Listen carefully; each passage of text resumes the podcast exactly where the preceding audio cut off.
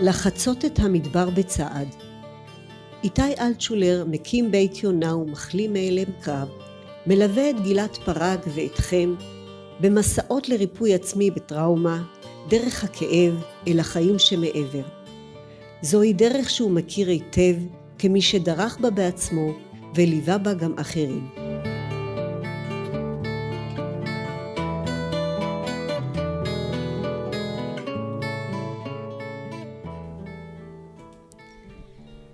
פרק 14 אינטגרציה בין מי שהיינו למי שאנחנו עכשיו. אנחנו לקראת סוף המסע. זהו זמן של החלמה, זמן של הלחמה. אם הטראומה היא שבר, ההחלמה היא איחוי, שילוב, מיזוג. בשיחות האחרונות דיברנו על חיבורים בעולם הרגשי, על השתלבות חברתית דרך מעגלי תמיכה ועל הצמיחה של שורשים לחיבור בזמן אל העבר הרחוק וההשתייכות. היום נדבר על החיבור של האני שלפני הטראומה ושל האני שנמצא בתהליכי ריפוי מתקדם. איך מצורפות האיכויות שהיו בנו לפני הטראומה אל הכוחות ולחוכמה שנולדים בתהליך הריפוי. ונחזור אל רונית, שפריחתה חדשה טבעית לה, ונגלית לסביבה עוד לפני שהיא מנסה לקרוא לה במילים. ונדבר עם איתי על הקשר בין איחוי לפרידה, על האתגר באיחוי למי שלא חווה אני קודם, כמו נפגעים מילדות, והאם זה נכון שאין שלם יותר מלב שבור. קריינות, סימה אלטשולר.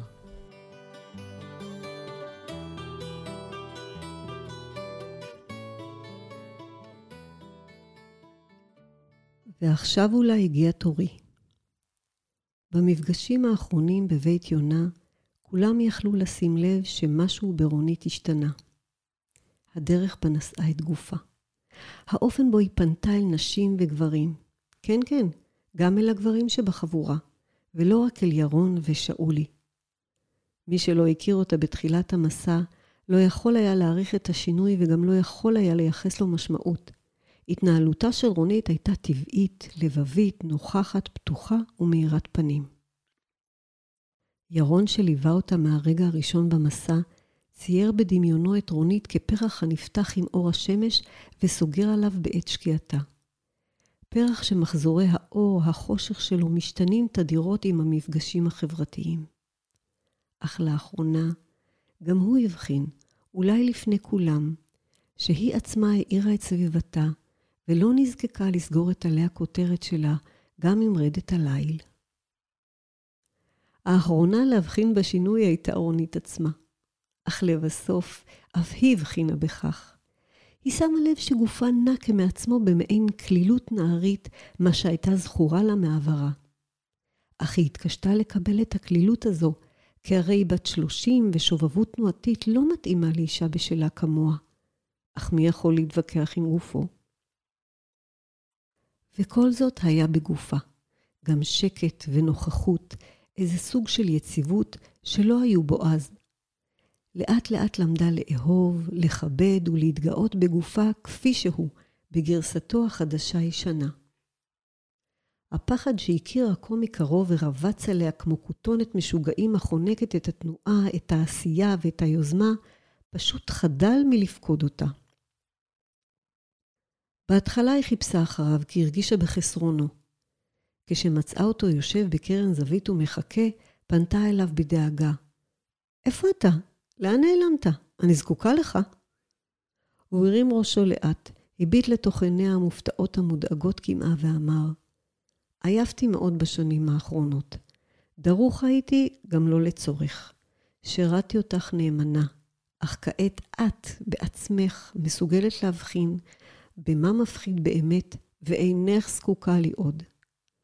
אני אשב פה במקומי לשמור עלייך מרחוק, כשאת פורסת כנפיים בפעם השנייה, עכשיו כאישה שלמה. בפעם הזו כשנפגשה הקבוצה בבית יונה לעוד מחזור של חמישה ימים, הרגישה רונית שהיא בשלה לקיים את הבטחתה. כשהתבקשו להתחלק לזוגות, היא פנתה בטבעיות לירון, והזמינה אותו לתרגל עמה. ירון נעתר לה בחיוך עדין, כי אומר לעצמו, לכל פרח יש קצב משלו להפגין את יופיו, להציעו לעולם. ועכשיו אולי הגיע תורי. שלום איתי. שלום גילת. היום אנחנו מדברים על מילה גדולה שנקראת אה, אינטגרציה, אבל אה, במקום שתתחיל להסביר לי אותה, בוא נדבר על רונית, החמודה שלנו. בבקשה. היא חוזרת להיות מה שהיא הייתה? כאילו זה יכול לקרות? היא לא חוזרת להיות מה שהיא הייתה, ועדיף שהיא לא תחזור להיות מה שהיא הייתה, כי היא הפכה להיות הרבה יותר חכמה. עברו לא מעט שנים מאז שהיא עברה את הטראומה, ואי אפשר לבטל את הניסיון חיים שהיא צברה. וגם בתהליך ההחלמה היא רכשה המון אה, ניסיון, ידע, כלים ומיומנויות, שהופכים אותה לבן אדם אה, רחב יותר, עשיר יותר, ועם קשר למי שהיא הייתה קודם. יש איזו פתיחות מקסימה שאתה מדבר עליה, על רונית הצעירה, שהיא מין אה, פתיחות שנותנת אמון בעולם, אבל היא פתיחות מאוד תמימה ולכן הייתה מאוד פגיעה. מה קורה לה עכשיו? כי, כי יש משהו ממה שהיה בקודם, מופיע עכשיו, אבל אחרת קצת. אני חושב שהתמימות, ודאי שהיא נעלמה, אבל החיוניות לא נעלמה, ומה שאנחנו רואים עכשיו זה את כוח החיים והחיוניות וההתרגשות והשמחה למפגש עם העולם, בלי לחשוב שכל העולם הוא טוב ונחמד ויפה כל הזמן. והחוויה הזו היא חוויה שהיא מאחדת את השמחת חיים שהייתה לה קודם, עם החוכמה שהיא צברה, חוכמה כואבת שהיא צברה במשך החיים הלא מי יודע מה ארוכים שלה. זאת אומרת שהביטחון שיש לה היום בעולם הוא לא טוטאלי, אלא יש לה איזשהו ביטחון ביכולת שלה להבין מה מסוכן לה ומה לא מסוכן לה, ובתוך המקום הלא מסוכן אה, להיות חופשייה. אני, אני מתארת את זה נכון? דבר ראשון, אני לא חושב שיש ביטחון טוטאלי. אני חושב שמי שחווה ביטחון טוטאלי, או שהוא מואר או שהוא מטומטם. או תמים, כמו שהיא הייתה בעבר. אבל אה, תמימות זה סוג של טמטום, כי מה שקורה כשאתה לא מסוגל אה, לזהות אה, את המורכבות של הדברים, ועם הפנים אתה למעשה משליך אמונות שלך על המציאות. וחלק מהאמונות באמת מקבלות הדהוד והצדקה, וחלק פחות. ולכן, זה אני מתייחס למושג של הטוטליות. אני חושב שבמובן מסוים יש לה אמון ב... בעולם, באנשים, היא הצליחה להחזיר אותו, אבל האמון הזה הוא, הוא אפשרי רק בגלל שהיא מאמינה ביכולת שלה להבחין בין מה שמסוכן לה לבין מה שפחות מסוכן לה, או הפוך, הוא תומך בה ומטפח אותה. היכולת הזו, שבהתחלה היא לא מי יודע מה מפותחת, הטראומה גורמת לה לסגת בצורה קיצונית ולא להאמין באף אחד, ועכשיו היא למדה איך להבחין בין הדברים ובמידתיות. מה שמאפיין אה, נשים או גברים שעברו תקיפה מינית, אה, זה שהרבה פעמים אה, זה פוגע באמת ביכולת שלהם לזהות את האיומים. ואז הם הרבה פעמים נפגעים עוד פעם ועוד פעם ועוד פעם, או אנשים שמנצלים אותם ומנצלים אותם עוד פעם ועוד פעם, הם לא מזהים את האנשים המסוכנים מבחינתם וחלק מתהליך של בניית חוסן זה היכולת, לא המוחלטת, אבל היכולת לזהות איומים, איומים אמיתיים, ולהגיב להם בהתאם. זה שוב חוזר לעיקרון שאתה מדבר עליו הרבה ביכולת של לבחור. היא בוחרת, למשל, כאן להזמין את ירון, היא בחרה לפני זה בשלב קודם להגיד לו לא עכשיו, יש כאן תהליך אה, מתקדם יותר של יכולת הבחירה שלה, שהיא בחירה יותר חופשית.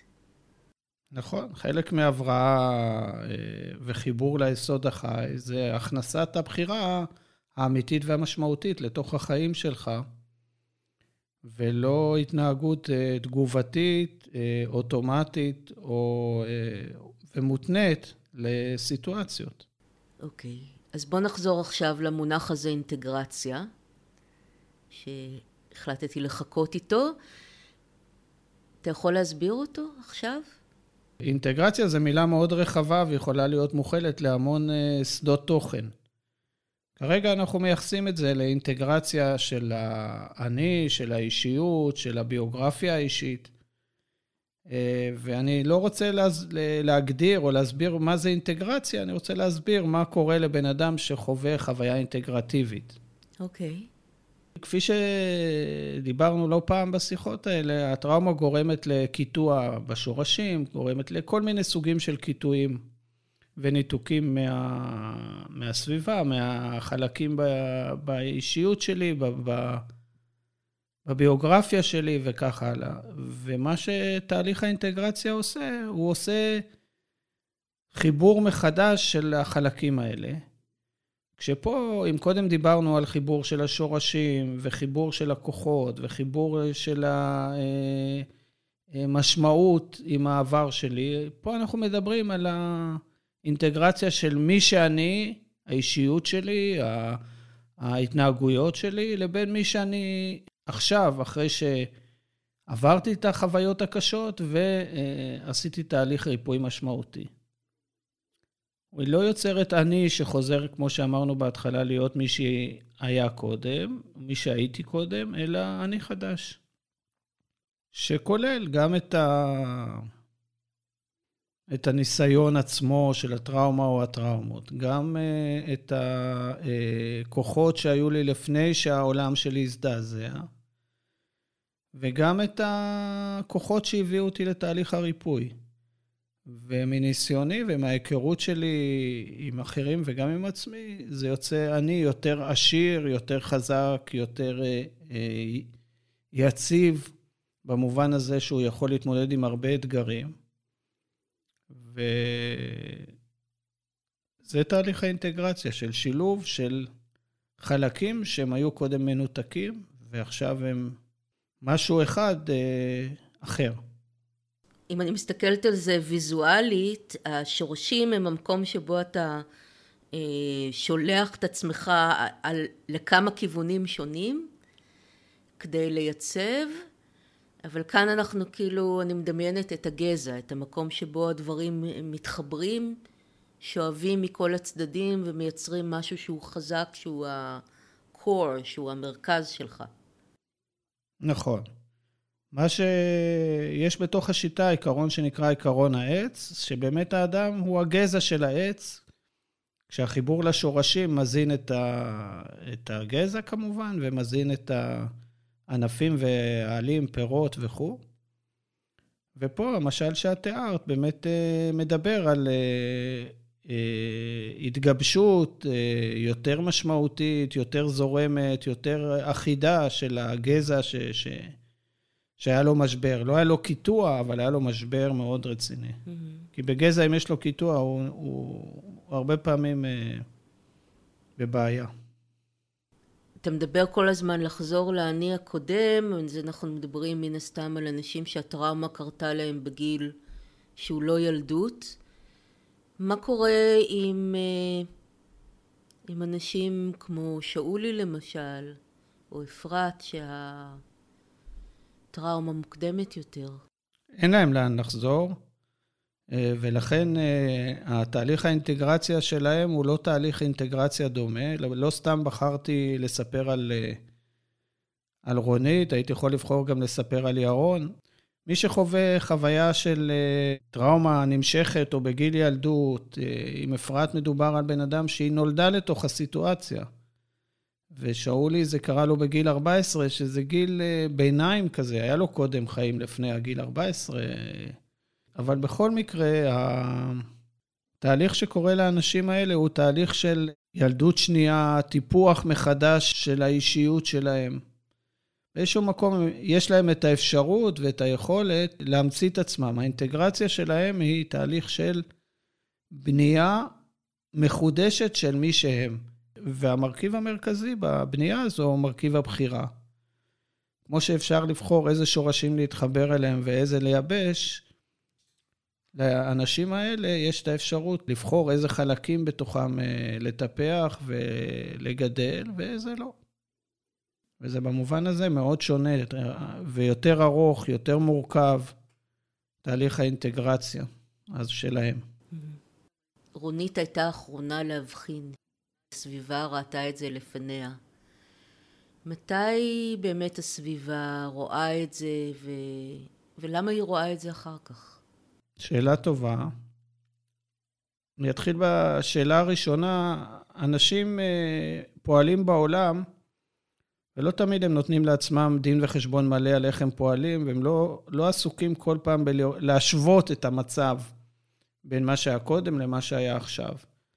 לעומת זה, כשאתה לא רואה אדם אה, כמה ימים או שבוע, שבועיים, והוא פתאום בא והוא יותר אה, מואר, יותר דינמי, וזה חוזר על עצמו, אז אתה יותר קל לך לראות זה לגבי מישהו אחר מאשר לגבי עצמך. זה א'. ב', אנשים שרואים מבחוץ, הם רואים דברים עקרוניים, הם לא רואים את הפרטים, הם לא רואים, הם למשל מרגישים שמישהו מצב יותר טוב, הם לא יודעים שברגע אחר הוא יכול להרגיש פחות טוב. לעומת זה, הבן אדם עצמו זוכה להבנה כשיש לו הרבה חלקים בתוך היום-יום שלו שהם אה, עוברים שינוי. כל עוד מסה קריטית של חלקים לא עוברים שינוי, קשה לו מאוד להבחין בזה. אלא אם כן, הוא עסוק כל הזמן לחפש את הדברים שעברו שינוי והם יותר טובים והם יותר שלמים ויותר רגועים.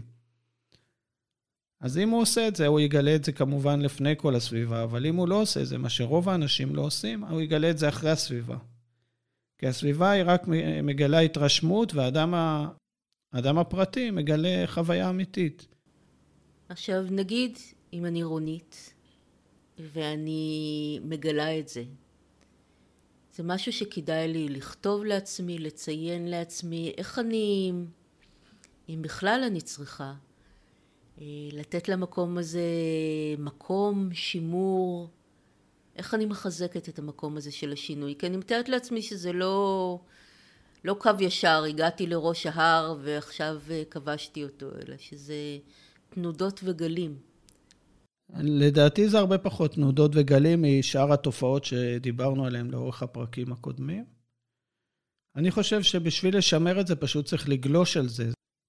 זה השלב שאתה מתחיל לחיות את החיים המלאים, וכשאתה מתחיל לחיות את החיים המלאים, אתה לא אה, עסוק ברפלקסיה. פה נגמר שלב הרפלקסיה. דיברנו על זה שיש סוף למסע, mm-hmm. שאתה לא כל הזמן בעבודה, ושזה לא כל החיים, ושזה לא... אתה פשוט חי.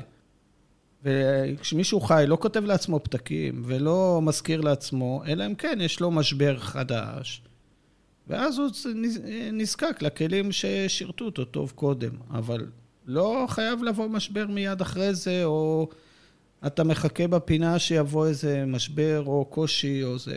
גם ה... הכל נהיה בגלים יותר נמוכים, ולכן דברים שקודם היו יכולים לטלטל אותך, היום לא מטלטלים אותך, אתה מבחין בהם, הם עושים לך יום לא טוב, מצב רוח לא טוב, וזה עדיין לא המצבים שדיברנו עליהם.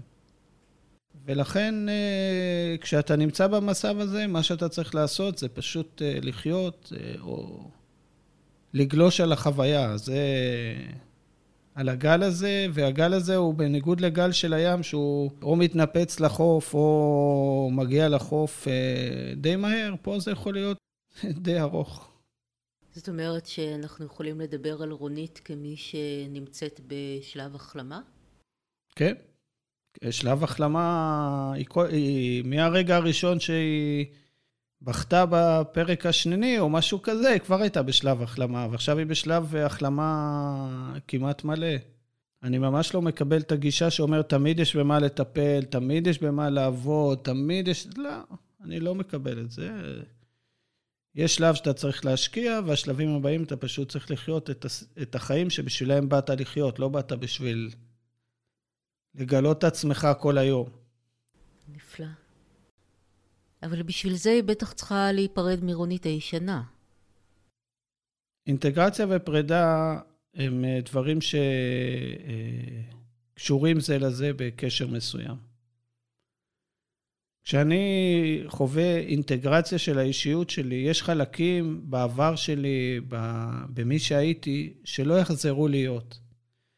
את דיברת על זה בהתחלה, על התמימות הזו, אובדן התמימות.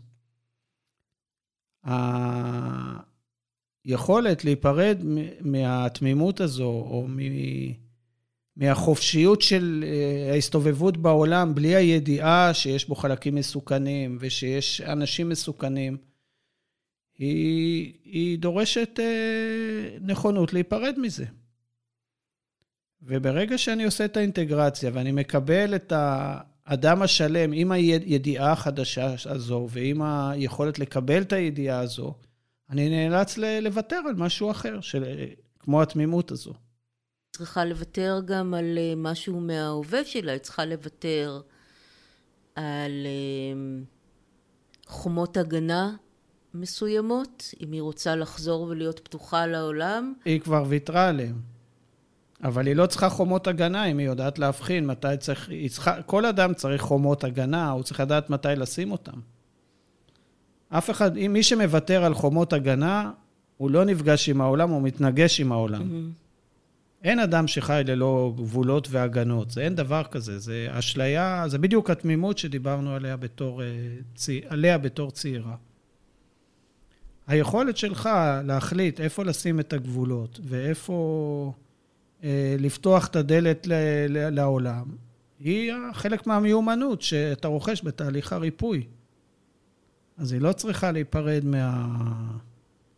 מהגבולות בשביל להחלים, ממש לא, ההפך. בשביל להחלים אתה חייב לבנות מחדש את מערכת הגבולות והשערים שלך, בשביל שאתה תוכל לחיות בעולם מתוך תחושה אה, סבירה של ביטחון. דיברנו על רונית הישנה, אני, אני מבינה, אבל אני מנחשת שהיא צריכה לפנות גם משהו מרונית החדשה, או הרונית של הטראומה.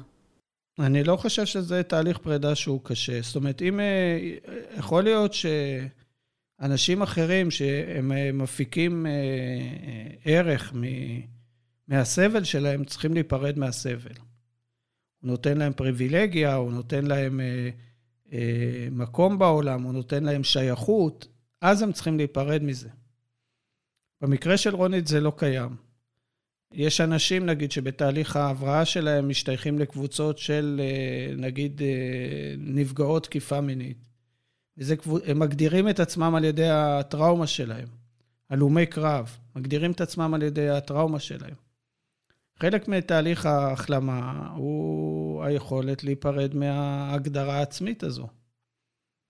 אה, ו... וזה תהליך שיש בו מהלך של פרידה, בדרך כלל הוא לא קורה בשלב האינטגרציה, הוא קורה קצת לפני זה, וגם המסע שאנחנו עושים, מהסיבה הזו בדיוק, הוא לא ממוקד באנשים עם אה, סיפור מסוים או קבוצת ייחוס מסוימת, אלא משותף לכל האנשים שסובלים מפוסט-טראומה באשר הם. אז יכול להיות שגם נוצרות פרדות עם האנשים שסובבים איתך? או שינוי יחסים עם האנשים שסובבים אותך? כן, בדרך כלל נוצרים אה, שינויים ופרדות. אה, אם אתה קודם היית וחיית עם אנשים שצמצמו אותך, הורידו אותך, או פגעו בך ואתה לא שמת את הגבול, אז או שאתה לומד לחיות איתם ולשים את הגבול, או שאתה מתרחק מהם בתור שיטה לשים את הגבול. חלק מתהליך ההבראה, שזה לא קשור בהכרח לאינטגרציה, אלא הוא תהליך שבו המארג החברתי שלך מתעצב מחדש בהתאם לאני החדש שנוצרת.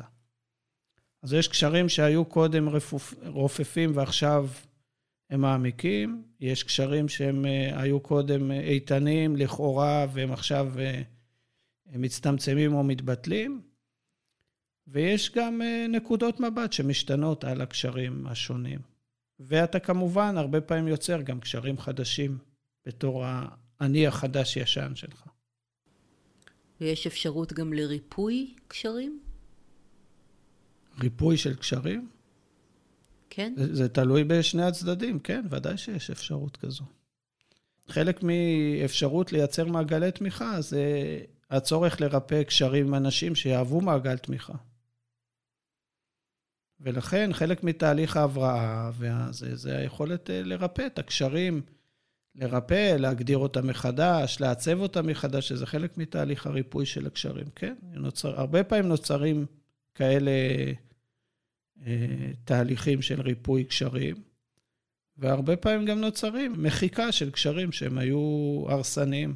אז אם אני אנסה לסכם את התהליך שעברה רונית, זה ויתור על חזרה לארונית הישנה, אלא לקחת משהו ממה שהיא הייתה, שהוא הבסיס של, ה, של הנפש שלה, של הישות שלה, לחבר אותו ללמידה שהיא קיבלה מהטראומה ומהתהליך הבראה ומהבגרות שלה, לרונית חדשה, שהיא משלבת את כל הדברים האלה ביחד.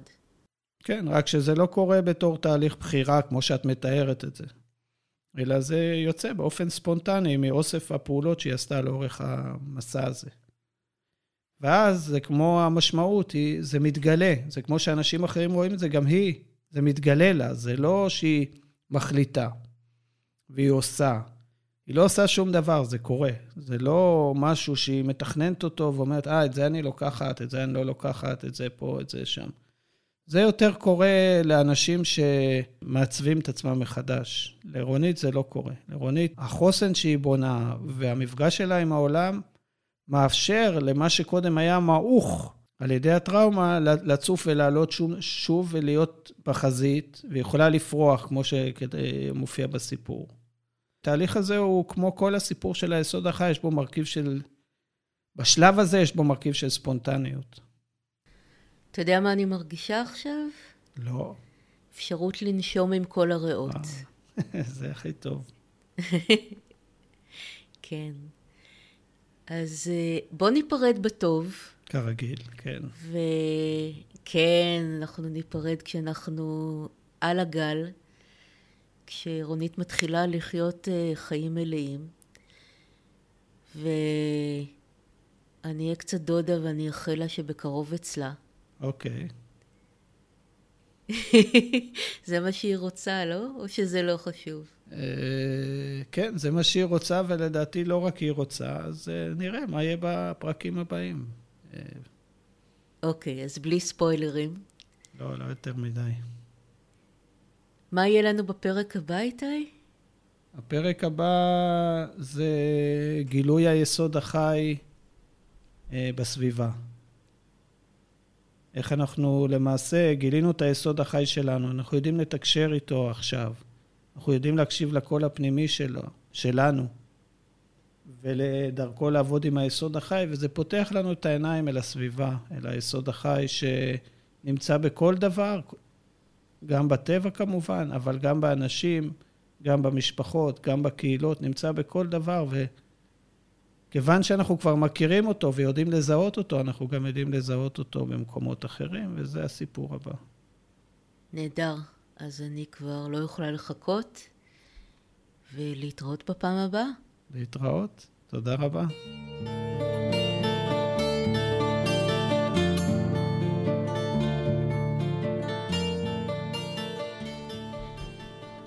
אם תרצו להרחיב על הנושאים שעלו בפרק הזה, היכנסו ללינק בטקסט המצורף לפודקאסט.